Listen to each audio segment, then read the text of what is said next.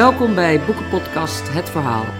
Mijn naam is Monique Huiding en ik ga praten met Auke Hulst over zijn roman En ik herinner me Titus Broederland. Auke Hulst uh, groeide op in het buurtschap Denemarken, dat is in Groningen, bovenop de gasbel van Slochteren. Uh, zijn jeugd daar, uh, in een Pippi Langkous huis in een bos, stond model voor zijn derde roman Kinderen van het Ruige Land uit 2012. Hij is ook literatuurcriticus, reisjournalist en muzikant. En ik herinner mij Titus Broederland is zijn vijfde roman. Welkom, Auke. Je hebt Hallo. nogal een uh, bijzondere jeugd gehad. Oh, we gaan er meteen uh, We gaan straight gewoon into meteen, de hè? jeugd. Oké, ja. Hoppatee. Ja, wat wil je erover weten? Nou, ja, je hebt een, die, dat Kinderen van het Ruige Land, dat is min of meer autobiografisch, uh, toch? Dat Vooral is meer. Je, derde boek. Niet eens min of meer, gewoon meer. Gewoon helemaal autobiografisch. Het gaat gewoon Nou. over jouw jeugd. Ja, ik heb wel alle namen veranderd en eh, de, de, de namen van plekken. En, maar dat is meer om bepaalde mensen een beetje uit de wind te houden. Ja. En ik heb een beetje met de chronologie van gebeurtenissen lopen schuiven om, om het omdat mensen natuurlijk op zich niet geïnteresseerd zijn in de jeugd van een relatief onbekende auteur. Mhm. Ehm, omdat het ook als roman moet werken. Ja, dus tuurlijk. om de, om de verhaallijn dat een bepaalde vorm te geven, heb ik er een beetje in lopen schuiven. Maar van de gebeurtenissen is denk ik echt 95% Ja. gebeurd. Ja, wat het, wat het bijzonder maakt is, je groeide op met je broer, je zusjes, maar eigenlijk zonder volwassenen. Nou, er was wel één volwassene aanwezig, soms. Ja, Eh, maar, dat ja. was, maar, maar ja, eigenlijk is het een beetje een groot woord om dan van, in dat geval van een volwassene te spreken. Je moeder in dit mijn geval. moeder. Ja, mijn vader is heel jong overleden. Hij was 43. Ik was toen 7. Ja. bijna acht, was twee dagen voor mijn verjaardag. Die verjaardag was dus ook verziekt. Ja, voor altijd. Of nou, voor- lang. Ja, voor lang, ja. Ja, inmiddels eh, vier ik het wel eens. Oh ja. Ehm, en mijn, ja, mijn moeder is, eh, is gewoon totaal ongeschikt voor verantwoordelijkheid. Is, heeft zelf een enigszins een wat een kinderlijke kant. Hm. En eh, ja, dan gebeuren de dingen die gebeuren. Ja. Jullie moesten elkaar eigenlijk een beetje opvoeden. Ja, hoewel ik me afvraag of we dat wel gedaan hebben. Het is meer eh, Lord of the Flies, maar dan... eh, ook een beetje wolfskinderen. Of niet? Ja, ook een beetje. Ja. Ehm, maar wel vier vrij intelligente kinderen en dat helpt. En het was wel, het was wel een, een omgeving die ehm, cultureel gezien veel in de aanbieding had. Eh, niet dat wij heel erg eh, die kant op werden gedreven, maar er stond gewoon een boekenkast in huis vol met boeken. En ook met goede boeken. Er was een piano en als je erop wil rammelen, dan kun je erop rammelen.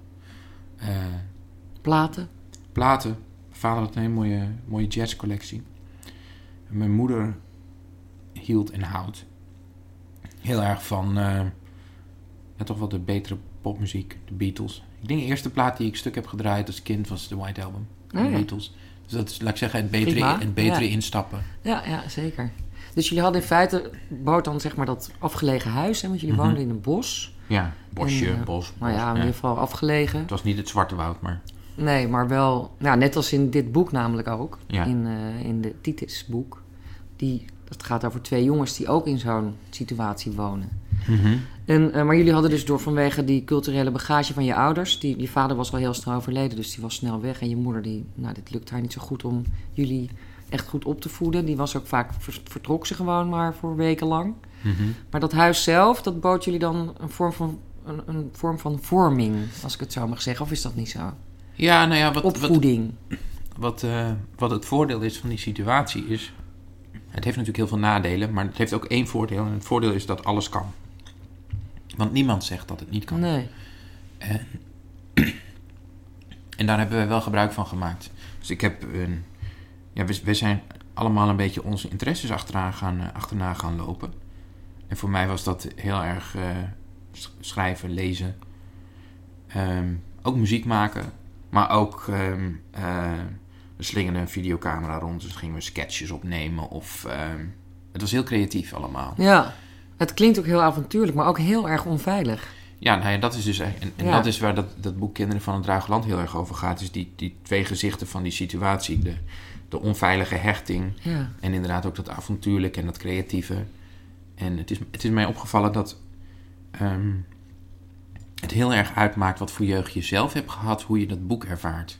Hmm. Ehm, mensen die zelf een hele keurige, nette, eh, maar ook misschien een tikje stringen jeugd hebben gehad. Ehm, hele burgerlijke jeugd. Die, die, die zijn altijd een beetje jaloers op dat vrije. Dan denk ik van, Ja. ah, dat had ik ook wel gewild. En dan denk ik, nou, weet wat je wilt. Ja, Terwijl mensen ja. die, die, en er zijn er best wel veel die zelf ook heel in een onveilige situatie zijn opgegroeid, dat boek bijna niet aan kunnen. Hmm.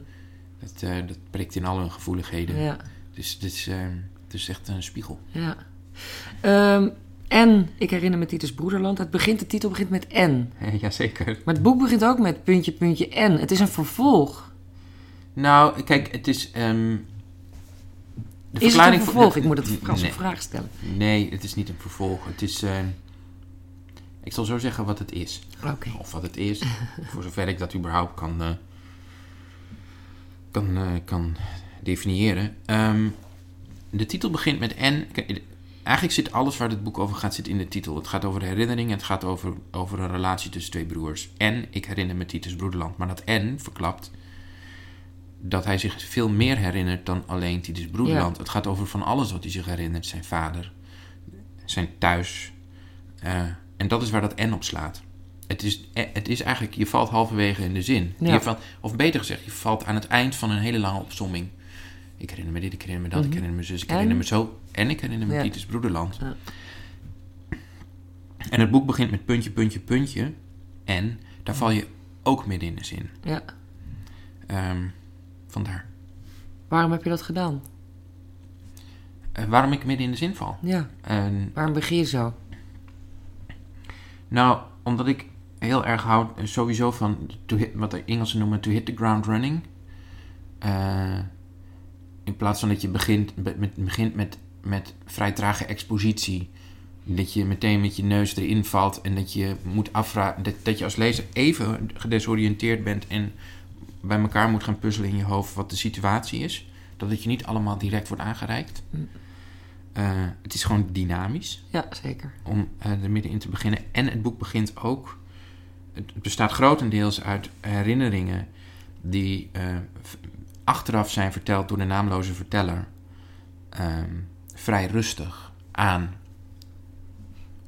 toe- een toehoorder. De lezer Toehoorders. of toehoorders. toehoorders. Ja. Ik ga dan niet. Aan jullie, zegt aan er. Jullie. Jullie, het zijn er meer. Ja.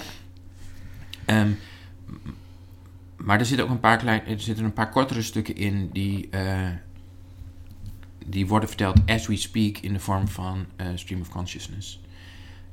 En ik vind, vond het daar ook, om daar soort van in die, die maalstroom, het- die stukken zijn meer een soort van wemeling van taal. ja. Om daar middenin te vallen, vond ik wel logisch. Hm. Het kan ook. Het is, ge- het is geen probleem. Het Het is je, geen je, probleem. je schiet inderdaad uit je, zeg maar, meteen met je, met je stoel uit het vliegtuig. Ja. Ja, we beginnen er meteen aan. We gaan niet eh, eerst nog even uitleggen. we zijn al weg. We zijn al vertrokken. Ja, nee, dat gaat heel goed. Maar goed, je doet zo, zoiets natuurlijk expres. Dus daar vraag ik het. Daar wil ik, wilde ik graag weten waarom je dat... eh, maar dat heb je goed uitgelegd. Ehm, Als ik het niet goed had uitgelegd, had ik het dan moeten veranderen. Nee hoor. Ja, dan moet die N weg. maar ehm, eh, wat wilde je dan uitzoeken? Want ik, ik dacht dus, het is om de, die N, dat was mijn, mijn oplossing Mhm. van dit raadsel. Dat is omdat het een vervolg is op kinderen van het, eh, van het. Nee, wat het, wat het feitelijk is, eh, los van dat het een onderzoek is naar die twee thema's, herinnering en, en broederschap, wat natuurlijk in Kinderen van het Ruigeland, omdat daar ook gewoon sprake is van twee broers, maar er zijn ook nog zusjes, Ja, wel een rol speelt. Eh, ik, wat, ik, wat ik wilde wa- was eigenlijk twee dingen. Dat is een. ehm, ik wilde een soort van gemythologiseerde versie maken van allerlei dingen die voor, in mijn leven van belang zijn geweest. En in die zin is er wel de nodige overlap met kinderen van het Druigeland. Eh, en dan hebben we het over, bijvoorbeeld over het landschap. Dan hebben we het over een relatie met een broer. Maar we hebben het ook over muziek. Maar we hebben het ook over hele kleine dingen. Zoals mijn afkeer van honden. En eh, de honden, die, eh, de honden hebben het niet. dat is, het zijn niet de tofste figuren in, nee, in dit boek. dat zijn rotzakken. Het zijn absolute rotzakken. Ja. Het is in het echt. Ehm, en dus dat, dat is wat ik wilde. En wat ik ook wilde was een... eh, ik, ik wilde een... Met die mythologische wereld... eh, wat je, kijk, literatuur is eigenlijk een leugen. Voor, dat is een, be- een beetje een cliché, maar het is ook wel waar. Je, je liegt de waarheid. Je creëert een wereld die, ehm, die fictie is. Ja. En in zekere zin dus een, een leugen. eh, om via die weg bij een waarheid te komen. Waar ik heel erg van hou en waar- waarvan ik ook vind dat het in de literatuur, in de mainstream literatuur, te weinig gebruikt wordt, is die leugen, dat fictieve, ehm, maximaal op te rekken. Eh, Kijk hoe ver je kan gaan. je- kijk hoe ver je kan gaan, omdat het met alles wat je in die fictie verandert, en in dit geval spelen een paar elementen een rol die niks te maken hebben met de werkelijke wereld, eh, geven je weer een mogelijkheid om thema's die voor jou van belang zijn op een andere manier aan te vliegen, een andere, op een andere manier te bestuderen. Eh, zoals bijvoorbeeld in dit geval. Moet ik, moet ik misschien even kort vertellen wa- waar het boek eigenlijk over gaat? Als je dat zelf zou willen doen, want ik wil het ook graag doen, maar het is wel handig als je het zelf doet, want dan weet je ook wat je niet wilt verraden en eh, wat je wel wilt verra- verraden. Oké, het, het boek speelt. eh, ik moet eerst iets zeggen over het decor. Het boek speelt op een wereld, of in een wereld, eh, die lijkt op de onze, maar niet de onze is. Eh, het is een soort kruising van twee lands, vormen van landschap die heel belangrijk voor mij zijn geweest en nog zijn. Het, het Groningse landschap, of laat ik zeggen het landschap van Noord-Nederland. Ik neem dan bijvoorbeeld Noord-Drenthe ook mee. Ehm, en een bepaald type Amerikaans platteland. Eh, waar ook meer verband tussen is dan je misschien op het eerste gezicht zou denken. Eh, en in deze wereld bestaat eigenlijk is een soort van wereldomspannend platteland. En dat platteland is qua ontwikkelingsniveau blijven steken rond 1900. In de wereld speelt religie een hele belangrijke rol. Een religie die lijkt op het christendom, maar ook weer net niet is. Eh, want er zijn een paar andere leerstellingen. En een van de leerstellingen is dat tweelingen eh, omdat de Heer nu eenmaal alleen men, unieke mensen schept, tweelingen duivelskinderen moeten zijn en bij geboorte ter dood moeten worden gebracht. Dit is het verhaal van een tweeling, tweelingbroers, die niet ter dood zijn gebracht om de simpele reden dat hun vader hen eh, weg heeft gehouden van de maatschappij. Zij zijn afgelegen opgegroeid in een huis in een bos. Zoals ik ook enigszins afgelegen ben opgegroeid, maar ik kwam er wel eens uit in een huis in een bos. Ja, Met een broer. Maar niet een tweelingbroer. Het is ook een een-eigen tweeling. Het is ook een een-eigen tweeling. Ja, Dat maakt ze extra duivelachtig. dat maakt ze extra duivelachtig. Nou ja, het is ook een gekend, gekend thema uit horrorfilms. In, eh, in, eh, bijvoorbeeld in The Shining zit, zit een eigen tweelingmeisjes. Die zijn zo... Vooral Come tweeling... play with us. Je zo zeggen zijn. ze. Ja, ze, ze zijn zo eng. Heel eng. Ja, en dan komt er allemaal bloed van de Ja, muur ja, ja. Ja, Eh, dus dat zit ook wel een beetje in de cultuur ergens. ja Verstopt, dat, dat, dat enge van tweelingen. Ja. Heeft iets Ook- engs, iets griezeligs. ja. Ja. Omdat je daar ook niet helemaal. Je, je, je hebt het idee alsof ze misschien een, een, nog een extra zintuig hebben en op een bepaalde manier functioneren waar je niet helemaal bij kan. En zo. Het is allemaal een beetje creepy. Dat heb je natuurlijk ook. Wat wilde je met die tweeling eigenlijk? Waarom, waarom wilde je dat het een een-eigen tweeling was? Hoe kwam er Eh een eigen tweelingen zijn heel interessant omdat je. ehm, en dat, is, eh, dat gebeurt ook in de wetenschap. Ze, ze bieden je een mogelijkheid om bepaalde dingen te onderzoeken. En vooral eh, nature-nurture. Eh, er is heel veel onderzoek gedaan, vooral naar één eigen tweelingen die niet bij elkaar zijn opgegroeid. Want dat betekent dat, nou, als je ze allebei in een verschillende context zet, kijk, ga je gewoon kijken hoeveel, hoeveel lijken ze nog op elkaar. Dan kun je het verschil zien. En dan kun je Ja. zien hoe groot de invloed van de omgeving is en hoe groot. Ja. En eigenlijk wat daar uit, uit, uit dat onderzoek komt is. ehm, dit is een beetje. Ik, ik eh, drijf nu een beetje af, maar. ehm, wat eruit komt is dat één eigen tweelingen die niet bij elkaar opgroeien. nog meer op elkaar gaan lijken dan één eigen tweelingen die wel bij elkaar opgroeien. Omdat één eigen tweelingen die bij elkaar opgroeien. toch graag uniek willen zijn en zich tegen elkaar gaan afzetten. En als je geen weet hebt van je één eigen tweeling, doe je dat niet. Ja. Eh, wat ik een heel interessant gegeven vind. En een ander gegeven, wat ik uit, het, uit, het onder, uit al die onderzoeken meepikte, was dat. en wat overigens een geruststellend gegeven is voor ouders die denken dat ze hun kinderen verzieken. Er is maar één manier om je kind echt te verzieken. En dat is door, door ze te zwaar te traumatiseren. Ja. En zolang je dat niet doet, is het allemaal niet je schuld. Ehm, Dus ik vond het interessant om... ehm, want deze, twee, deze een eigen tweeling lijkt wel op elkaar, maar lijkt ook niet op elkaar. Ze verschillen. Hoe kan het dat ze verschillen? Eh, ik vond dat interessant om te onderzoeken. Ook omdat ik wel lijk op mijn broer, die niet een tweeling is. Wij zijn geen tweeling, maar we zitten wel heel dicht op elkaar. En heel veel mensen zien ons wel als twee mensen, twee, twee gezichten van één mens of zo. Mm. Hoewel wij uiterlijk helemaal niet op elkaar lijken. Eh, ik vond het interessant om te onderzoeken hoe die, die verschillen ontstaan. Want, want ze ontstaan door dat, door dat afzetten. Maar ze ontstaan ook door dat je... En dan komen we weer bij herinneren. Wat eigenlijk het belangrijkste thema in het boek is.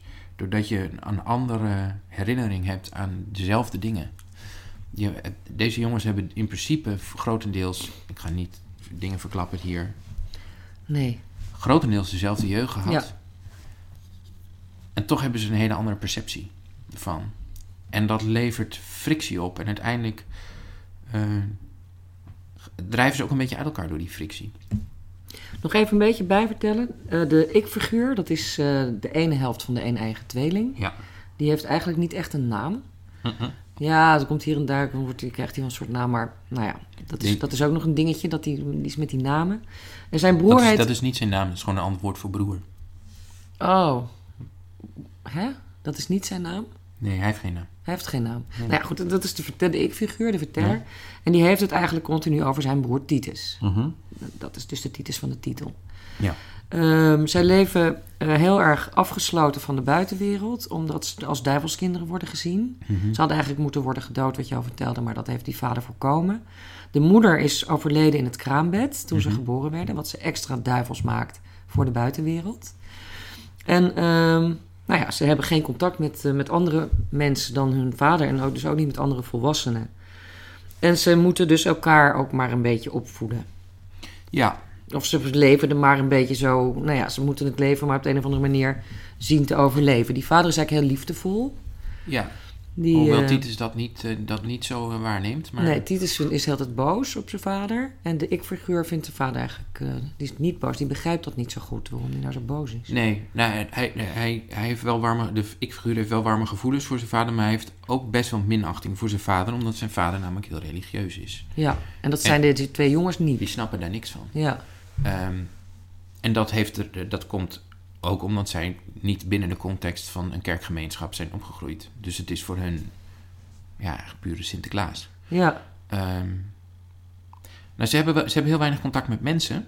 ja. Heel soms wel buiten, want ze, soms gaan ze op expeditie buiten het bos. Ja, dat, doet- dat, dat wil eigenlijk alleen Titus. Die is, dat is de, degene die er steeds op uit wil. Die, Ja. De ik-figuur die, heeft- die heeft zoiets van... Ja, een beetje eng. En, eh, hmm. Wanneer gaat hij toch maar weer met zijn broer, maar mee. met Ja. broer mee? ja, Eh, maar ze leren ook de wereld kennen doordat ze boeken hebben. Die verboden zijn. ja, vanwege die, de heer. Vanwege de Heer. De heer wil dat. Je mag maar één boek lezen van de heer. En dat Ja. is een soort bijbel. Ja. Die heet dan anders. Ja, de edicten en historien van de Ja. Heer onze Schepper. Het enige boek dat gelezen mag worden. En er zijn, wat ook hartstikke verboden is, er, er is muziek. Er zijn, er zijn platen. Ja. Ouderwetse platen van schellak. Eh, en, eh, en ze dromen ervan om, eh, om een gitaar te krijgen. En Ja. dan gitaarman te Ze worden. willen gitaarman worden. Ze willen Gita- heel graag muziek ja. maken. Gitaarmannen zijn een soort van outcasts die langs de paden zwerven en dan ze wat spelen en hopen dat ze wat, wat geld krijgen of eens een, een warme prak en wat te drinken. Ja. En dat gebeurt soms en soms worden ze opgeknoopt aan de snaren van hun eigen gitaar. Want dat is ook weer eigenlijk een beroep wat niet mag van de heer. Nee, want ook muziek is natuurlijk van de duivel. Ja. Dan wonen ze ook nog eens een keer in een, in een gebied. Eh, en dan niet op een gasbel, zoals jij, maar op een aardbloedbel. Ja, dat is een soort van natuurlijk rood, gewoon- rode olie is het. Olie brandstof is. En dat wordt Mhm. daar gewonnen. En iedereen die werkt daar eigenlijk ook in die industrie. Mhm. En dan op een gegeven moment dan neemt de aarde, door al dat oppompen van, die, van, die, van het aardbloed, neemt de aarde eigenlijk wraak. Ja, want de aarde is gewoon hol geworden. Die is leeg en die begint in te storten. Er komt een zinkgat. Ja, En waar denk je dat dat zinkgat begint? nou In natuurlijk. het bos, achter, achter het achter, huis. de, achter deze jongens. Ja. Achter het duivelsgebroed. Hoe, hoe is het mogelijk? Maar in ieder geval, dat, dan, dus het, hun, je hebt het ze echt zo moeilijk gemaakt. Je hebt dus zo'n hele, die, die, wat je net al schetst, die hele, die hele omgeving is zeer vijandig tegen die jongens. Staan ze zelfs naar het leven. Ze willen eigenlijk die kinderen doden, Mhm. alle, de omgeving. Die vader is nog lief, maar ja, die werkt, die is zeer gelovig. Die werkt ook in die, bij dat aardbloed. En nou ja, die werkt heel hard. En ze hebben eigenlijk ontzettend weinig geld. Ze zijn heel armoedig allemaal.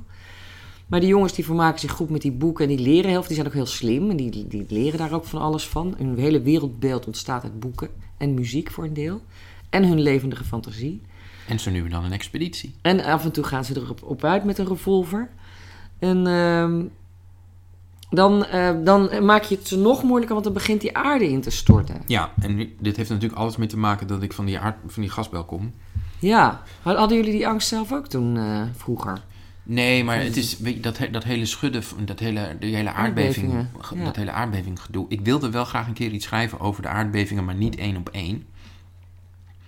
Eh, en dat, dat speelt al wel veel langer dan mensen in het Westen denken. Hmm. Voelden jullie het ook al? Zeg maar ik in de kan jaren het, nou, 80. nee, het is denk ik een beetje halverwege in de jaren negentig een beetje begonnen. En toen, toen woonde ik er niet meer. Maar er was wel, eh, wat er gebeurde was dat, dat mensen, dat het soms de aarde schudde en dan eh, hadden mensen sche- scheuren in een pand of zo. Ja. Maar dan zei de NAM altijd van ja, nee, dit is gewoon omdat het waterschap heeft lopen, water heeft lopen pompen. Of, het was Mm. altijd een heel, heel, heel en, die, en die mensen zijn echt, nou, 10, 15 jaar voor gek uitgemaakt. Die was natuurlijk altijd, de hele tijd zei hij, ja, maar dat komt gewoon door, dat, door, dat, door die Ja. gaswinning. ja, maar daar komt de NAM niet goed uit. Nee, daar komt het. En de Nederlandse en overheid de Nederlandse overheid, die hebben daar 250 miljard euro uitgepompt. Dan gaan we natuurlijk niet eh, dit serieus nemen dat de aarde schudt. Nee, maar, Ja. ehm, Maar bij jou loopt het volkomen uit de hand. maar dat, zink, dat zinkgat dat wordt steeds groter en begint eigenlijk gewoon de hele aarde op te eten. Ja. En dat jaagt, verjaagt de jongens van hun veilige plek. Dit zinkgat heeft voor mij twee functies. Ten eerste, eigenlijk drie functies. Ten eerste dat ik indirect een keer iets over dat thema wilde schrijven. Dat is de minst belangrijke reden. Ehm, de belangrijkste reden, nou, de, de, de tweede reden is dat ik, dat ik ze de, de wijde wereld in wil hebben. Ze moeten wil, daar dwing- wil dwingen. ja. Eh, maar het heeft ook weer een, een, eh, een metaforische betekenis. En dan kom ik toch weer terug op dat herinneren. Ik wil, ik wil eigenlijk dat de strijd tussen die twee jongens grotendeels over hun herinnering gaat. Eh, en dat kan ik het best doen door ervoor te zorgen dat er ook alleen nog maar herinnering is. Alles wat achter hen ligt, waaraan ze herinnering hebben, kunnen zij niet meer staven omdat het vernietigd is. Het is helemaal vernietigd. Het is, en, en je dat hebt is alles kapot gemaakt. Alles is Ze hebben niks meer. En dat is natuurlijk in zekere zin ook wat de tijd doet. De tijd e- eet, dingen op. Maar wij kunnen nog soms nog naar plekken waar we zijn opgegroeid. We kunnen terug, we kunnen nog dingen terugvinden. Mhm. Maar zij hebben alleen maar de herinnering, de wereld die in hun hoofd zit. En hoe zij zich die herinneren. Verder is er eh, geen Nee. bewijslast meer. Ze kunnen ook niet meer naar huis. Ze kunnen Er nooit is meer geen naar huis. thuis meer. Nee. Die vader is ook dood. Die is ook opgeslokt door dat, eh, door dat zinkgat. Eh, de verteller die kijkt door een, door een verrekijker. En die ziet letterlijk het huis in het zinkgat verdwijnen. Ja. Heel schokkend natuurlijk. Want het is eh, nou ja, voor hem zeker een... Ti- Titus, zijn broer Titus wilde altijd wel graag de wijde wereld in. Mhm. Maar hij eigenlijk niet. Voor hem verdwijnt alles vorm van veiligheid en ja, misschien nog een, zelfs een beetje geborgenheid. Maar ik denk ook dat dat wel, eh, dat, ge- dat gevoel dat daar wordt getroffen, hoewel het ehm, natuurlijk in het echt niet zo is gebeurd, dat voor mijn twee zussen en voor mijn, mij en mijn broer, wij, wij moesten ook een soort van gedwongen weg waar wij zijn opgegroeid. Maar doordat er schulden waren en allerlei andere dingen. Ja. En eh, dat gevoel van verjaagd te zijn eh, door, door externe krachten van de, van de plek waarvan jij vindt dat die van jou is, dat, eh, dat, komt, dat, dat komt van heel dichtbij. Ja, want het is ook zo namelijk dat kinderen, hoe raar hun jeugd misschien in andermans ogen ook is, dat als normaal ervaren. Absoluut. Je ervaart je eigen krankzinnig idiotere jeugd, of saaie jeugd, als normaal. Dat is jouw... En daar moet je op de een of andere manier ook een, iets van veiligheid uit zien te halen, want dat heb je nodig als je jong bent Mhm. en kwetsbaar. En dat vind ik heel mooi getroffen bij, eh, bij, die, bij, de, bij de verteller. Dat terwijl die daar in eigenlijk een heel ja, gevaarlijke, onveilige situatie woonde, zich toch ja, een beetje verknopt. Hij was gewoon gehecht aan, eh, aan die plek. Ja. Dus hij raakt onthecht. Mhm. Dat gebeurt er dan natuurlijk met, eh, met een jong kind dat eh, uit zijn huis moet. Of, ja, ze zijn 15 of zo, hè, als ze daar. Ik denk, ja, ik, ik, volgens mij plak ik er niet direct een leeftijd op, maar volgens mij zijn ze 16 net. Oh ja, nou zoiets. Ja. Nou ja, het zijn gewoon pubers, zeg maar. Nou ja, officieel hadden zij al verplicht moeten werken één, dag in de week onder, wat dan onder, onder de bloedpijp he- heet. Ja. Dat, dat zijn dan de dampende pijpen bovenop de, waar het aardbloed wordt ge- gewonnen. Ehm, maar laat ik zeggen dat de mensen die werken voor de coöperatieven, het wordt dan door een coöperatieve geregeld, de, de, de, bloed, de aardbloedwinning, die hebben het nog niet aangedurfd om dat tegen ze te komen zeggen. Nee, want ze zijn ook wel bang eh, voor Natuurlijk. ze. Want ze hebben, ze hebben ook gewoon een wapen. Ze hebben en een revolver en dat zijn natuurlijk duivelskinderen. En ze schieten er ook nog mee met, met het revolver. Dus ze kunnen zich op een of andere manier wel een beetje handhaven. Mhm. Maar goed, dan gaan ze de wijde wereld in. Nou wacht, misschien moet je eerst even een stukje voor. Wil je een stukje voorlezen? Ja hoor. Lukt dat, denk je? Dit is nog voordat ze zijn eh, vertrokken. Het gaat ook meteen over de honden, dus dat is, dat is leuk, want dat is jouw... Daar heb jij een hekel Dat is mijn pet heet, om het maar zo te noemen. Ja, van hier tot hier. De honden. Ja. Hier zijn ze nog eh, gewoon in hun huis in het bos. Ja, En dan gaan ze naar het overbos. Dat is de, al een stukje enger. ja het, bos, het bos is min of meer in tweeën gedeeld door een, eh, door een, door een stroompje, door een beek. En eh, aan de ene kant is het veilig en aan de andere kant is het allemaal nog een beetje gevaarlijk. Ja, ja, ja. Spannend in ieder geval. Ja. Rond ons huis waande ik me veilig, want daar kwamen wilde honden zelden. Maar zodra we de beek overstaken, moesten we op ons hoede zijn. Daarom voelde ik ook weerzin tegen wat wij het overbos noemden. Ik heb er wel iets over gezegd, geloof ik, maar de beek sneed het bos dus vrijwel in tweeën: een goede en een slechte kant. Land dat binnen de markering lag, was van ons, wat er buiten lag, was niemands land. De beek vormde een natuurlijke barrière, hoewel wil- wilde honden op zich uitstekende zwemmers zijn. Ze vermeden plekken met huizen, denk ik, beducht op hooivork, windbuks en vergif. Soms lagen er kadavers langs de paden, waarna ze met paard en wagen vergaard werden voor crematie in de ovens van het slachthuis. De kadavers hadden glazen ogen en waren zo rigide dat ze opgezet leken. Later, veel later, heb ik op gelijkaardige wijze mensen zien liggen.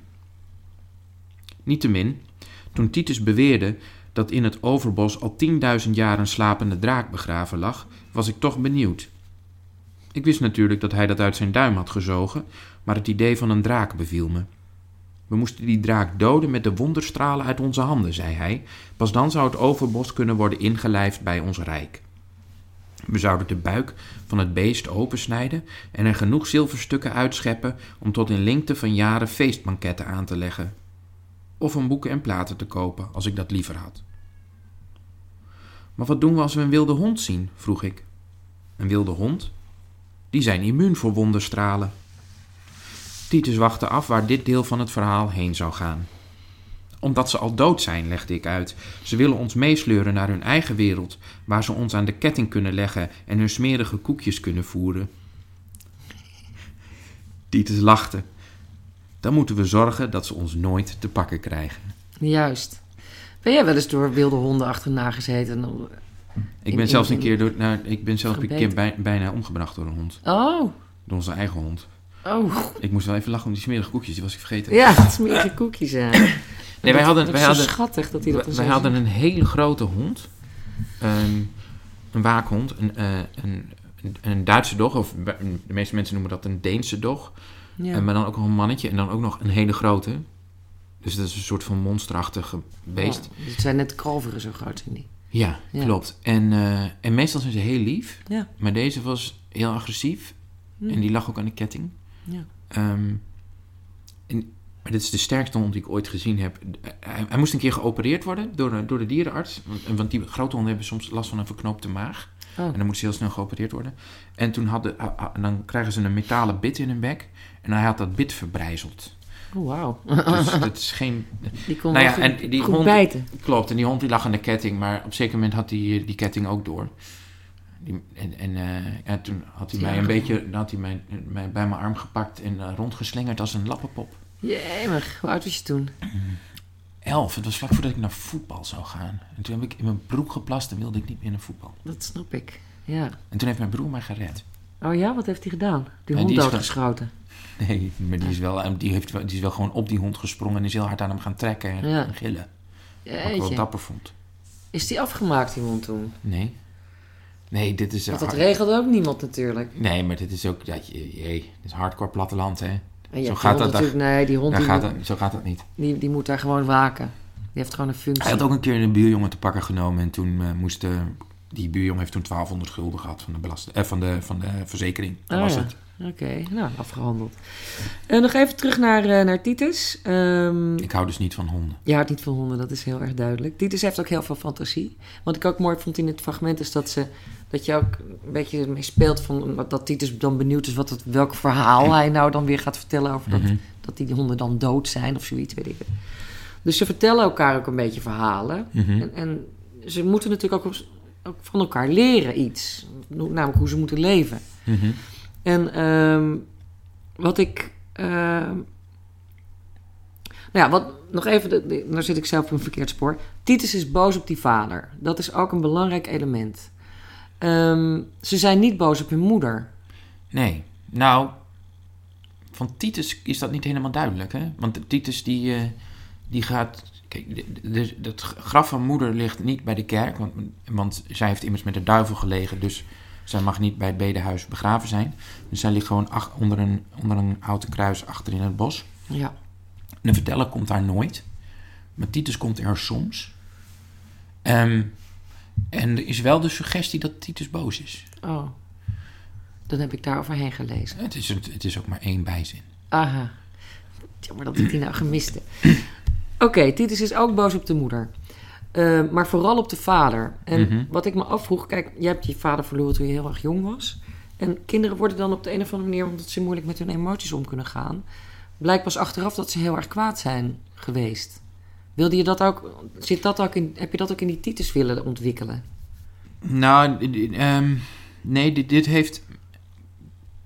Kijk, in dit geval leeft de vader nog en is de moeder overleden. Ja, bij, bij jou is het andersom geweest. Bij mij is het andersom. En het heeft wel iets te maken met eh, de, de woede die mijn broer voelt naar mijn moeder. Ehm, zonder dat ik daar nou precies al te diep wil ingaan op de redenen, want dan ga ik Nee. namelijk ook iets verklappen over het boek. Dat wil ik Hoeft niet. Eh, wat ik me wel herinner van toen mijn vader was overleden.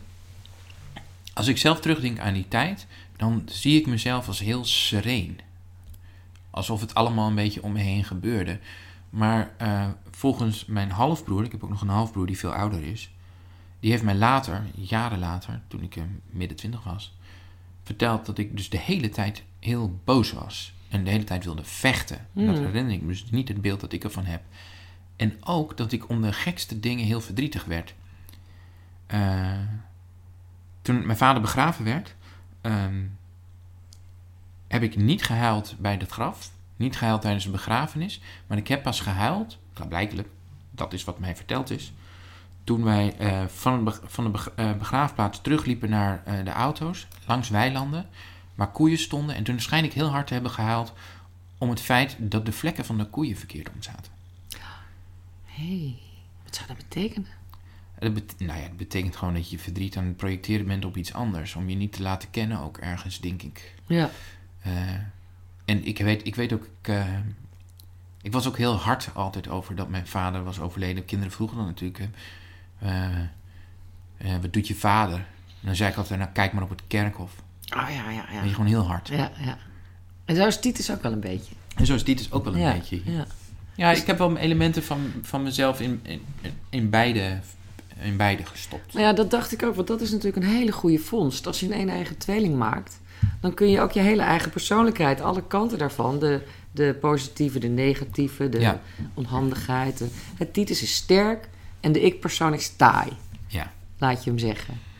En eh, Titus is, eh, heeft gevaarhonger. En de ik-persoon is eigenlijk liever een beetje, nou, hij hobbelt altijd wel achter Ja. zijn broer aan, maar... eh, nou Ja, maar je, gevaarhonger is wel echt iets van mijn broer trouwens. van je oudere broer. Ja, mijn oudere broer die, ja, die, die, die, die eh, zoekt toch op Hij zegt zelf wel eens dat hij verslaafd is aan angst. Want hij is eigenlijk een dikke bange broek. Oh. Maar hij zoekt toch altijd situaties op. Hij, heeft, eh, hij woont nu in eh, Myanmar, in Burma. Oh. En hij schrijft ook al heel lang over dat land. Maar hij was er bijvoorbeeld toen de opstand, de, de opstand die soort van de opmaat naar democratisering was, was hij daar. En toen is hij ook beschoten. En te- zou je van mijn, als je mijn broer tegenkomt en met hem praat, zou je nooit denken van dat is iemand die naar zo'n gevaarlijke situatie gaat. Oké.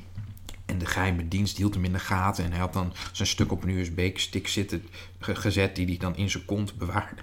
Ach, god, dat, je, ja, echt dat je dan eh, dat je dan denkt, maar, maar, maar je, je, je bent toch dat jongetje, dat jongetje van Hulst, eh, van dat hele, dat een beetje bange ge- en verlegen ventje. ja, Maar, maar dat, eh, dat is ook een reactie op de jeugd natuurlijk. ja. Ja. Nou ja, wat, wat er gebeurt, volgens mij, is precies dat... het omgekeerde zien dan wat je voelt. Wat er volgens mij gebeurt is dat, die, dat de dat onveiligheid zo vertrouwd voelt. En de angst die daarbij hoort. Ja, Dat je het gaat opzoeken omdat je het kent. ja, En dat is iets wat je in je leven moet doorbreken op een zeker moment. ja. Dat heet, eh, oh god, hoe heet het ook weer in de psychologie? Double bind. Maar dat in, in dit geval is double bind dat je, als een van je ouders je mishandelt, dat je dan Zelf. in het vervolg van je leven gaat houden van mensen die jou, moeten ze wel mishandelen, anders hou je niet echt van ze. Mhm. Dus je ziet het verkeerd. Klopt. Je hechting is, je hecht je aan Is- precies het verkeerde, ja. aan het gevaarlijke. Ja. Je bent onveilig gehecht. Ja, dus van, precies. Dus dan blijf je dat, in dat onveilige veiligheid zien, Ja. denk je. Nou, Nou je, ja, denkt, je weet wel dat het niet zo is. Je weet wel dat het niet zo is, maar de, de, de, het, bekende, het, het, slecht, het bekende dat slecht voor je is, is nog steeds minder beangstigend dan het onbekende dat misschien niet slecht voor Ja. je is. Heel ingewikkeld, hè? De mens is uitermate ingewikkeld, daarom, daarom staan de, de bibliotheken vol met boeken. Ja, precies. En zo, zo gaat het in dit boek in, in feite natuurlijk eigenlijk ook. Het deed me een beetje denken aan Cormac McCarthy, The Crossing, dit, eh, dit verhaal van jou. The Crossing heb ik niet gelezen. Ja, oh, dat is grappig, want de hoofdpersoon in The Crossing heet Billy. En jouw, ja, jij hebt Ja, ook een de- hoofdpersoon in een vorm van een gitaar die ook Billy heet. Dus Eh, ik dacht, ah, dat ja. is een verwijzing naar Nee, Crossing. nee Billy is, eh, de gitaar heet Billy omdat ehm, hun favoriete zanger Ook Billy heet. is IJzeren Billy. En IJzeren Billy is feitelijk een rare vernederlandsing van, en niet een vertaling, maar een vernederlandsing van eh, de fameuze vroege bluesartiest Led Belly. Led Belly, bekend van de oorspronkelijke Black Betty. En Oh. Black Betty, wat wij allemaal kennen in de, in de rockversie van Ram Jam. Ja. Oh, Black Betty, Ram, Black- Ram, ja. Ram. Is eigenlijk oorspronkelijk een, een rustiger bluesnummer zonder gitaar, maar alleen met een, een be- begeleiding van Led Belly zelf die op de grond stampt. Hey, Wat IJzeren Billy ook doet. aha. Zo, eh, zo, verwij- Zo, zo ja. verwijzen we er een, een, een hele partij op los. Ja, precies. Nee, maar ik dacht dus dat- de crossing, dat, is, dat gaat over een jongen die met een, een jonge jongen op een paard achter een wolf aan, een wolvin aan zit. Die moet hij doden, maar dat kan hij niet. En die wolvin is drachtig. En dan neemt hij die wolvin mee. En het is echt, ik kon het niet eens uitlezen. Zo erg moest ik ervan huilen.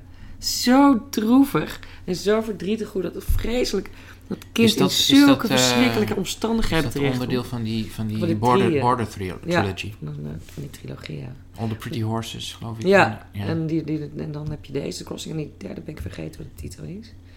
Maar dat deed het me een beetje aan denken. Ook dat zo ontzettend gevaarlijk waar die jongens zich in begeven. En toch houden ze er de moed maar in. En dan willen ze dus met die Billy, ze willen dan gitaarmannen worden. Want die muziek die... Ook iets wat dus niet mag van Ja. de heer.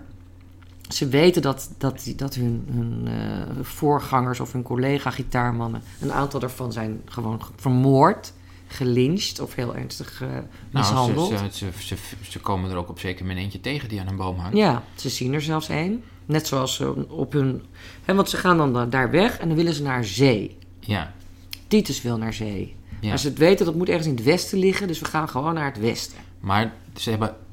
De enige reden waarom ze denken dat de zee bes- bestaat... is omdat ze er ooit eens iets over hebben gelezen in een, in een verboden boek. Ja. De zee is heel ver weg, als die bestaat. En alle andere mensen die ze tegenkomen... die hebben nog nooit van de zee gehoord. En misschien is de zee wel een totale fantasie. Ja. Ja, waarom heb je dat... Waarom, waarom zou die zee dan een, een fantasie moeten zijn? Eventueel, de mogelijkheid van een fantasie. Waarom heb je dat zo bedacht? Het gaat mij natuurlijk om dat die, dat die samenleving immens bekrompen is. En, eh, en naar binnen kijken. Ja, En als, je, als er nou iets, als er nou één wezenlijk verschil is tussen samenlevingen die naar binnen kijken en die naar buiten kijken, eh, is dat ze land, is het verschil tussen een land, de blik landinwaarts en de blik naar andere landen over zee. Eh, de zee staat ook voor, voor open-minded, voor vergezicht. Eh, en daar is in deze wereld 0,0 sprake van, van vergezicht. Nee. De, meeste, de meeste mensen komen nauwelijks verder dan hun eigen dorp. Eh, en zijn ook eigenlijk een beetje bang voor onderweg zijn op, op de paden tussen de dorpen. Het is allemaal heel, heel benauwd. Maar waarom die, mannen volgens, die, die jongens volgens mij gitaarman willen worden... En Ik begin daar eigenlijk nu pas e- echt over na te denken. Oh, leuk. Vertel. Nee, wat, wat er een beetje gebeurt is, is dat als je, als je ehm, opgroeit omringd door een, een, een samenleving die, een, die anders naar de wereld kijkt dan jij, maar ook op jou neerkijkt of jou bang, eh, angst, eh, angstig eh, is, bang voor je is, of als die. ehm, het wordt op zeker moment een deel van je identiteit om dingen tof te vinden die zij, waarvan zij vinden dat ze niet mogen. Afzetten. het, het is afzetten. Het is ook schoppen tegen hun bekrompenheid. Dus natuurlijk willen zij gitaarman worden. Ja. Wat dacht je dan? Dacht je, ja, Ja, je bent zelf ook muzikant geworden. ja. Was dat voor jou ook een beetje afzetten? Of, eh, of is het anders? Nee, dat was voor mij al- eh, eh, wel anders. Hm. Eh, ik hou gewoon heel erg van muziek. Ja. En ik geloof ook niet dat, dat de- onze was die- samenleving heel erg anti-muziek is. Nee, helemaal niet. Maar was, die, was het in, in, dat, op die, in dat Denemarken... Wat grappig dat ook Denemarken dan heet, zo'n gehuchtje. Denemarken betekent eigenlijk ruige velden. Oh, Het in het is een- In Gronings. het Gronings, ja. Oh. Of in, het, in de oud-Gronings zelfs. Oh, ja. Ehm, hadden jullie daar ook last van de omgeving die... Kreeg, kregen jullie bijvoorbeeld niet de kinder... Hoe heet dat? De Nou, wij, kijk, wij, wij, wij waren een, eh, eh, een excentriek, streng atheïstisch gezin. Want dat en- is daar ook best gelovig, denk ik, geweest. Echt omringd door zeer gereformeerde en Ja. hervormde mensen waar wij heel weinig contact mee hadden. Ja, dus dat lijkt ook een beetje op, eh, op Ja. wat deze broers eh, meemaken. En Ik- die waarschijnlijk ook hun afkeuren lieten blijken.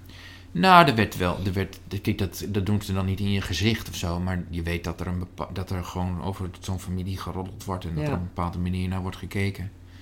Ja. En eh, ik, weet, ik weet dat toen, eh, toen ik dat boek over mijn jeugd heb gepubliceerd, dat er ook mensen die eh, onze buren waren geweest, eh, daar ook op zijn aangesproken door de gemeenschap.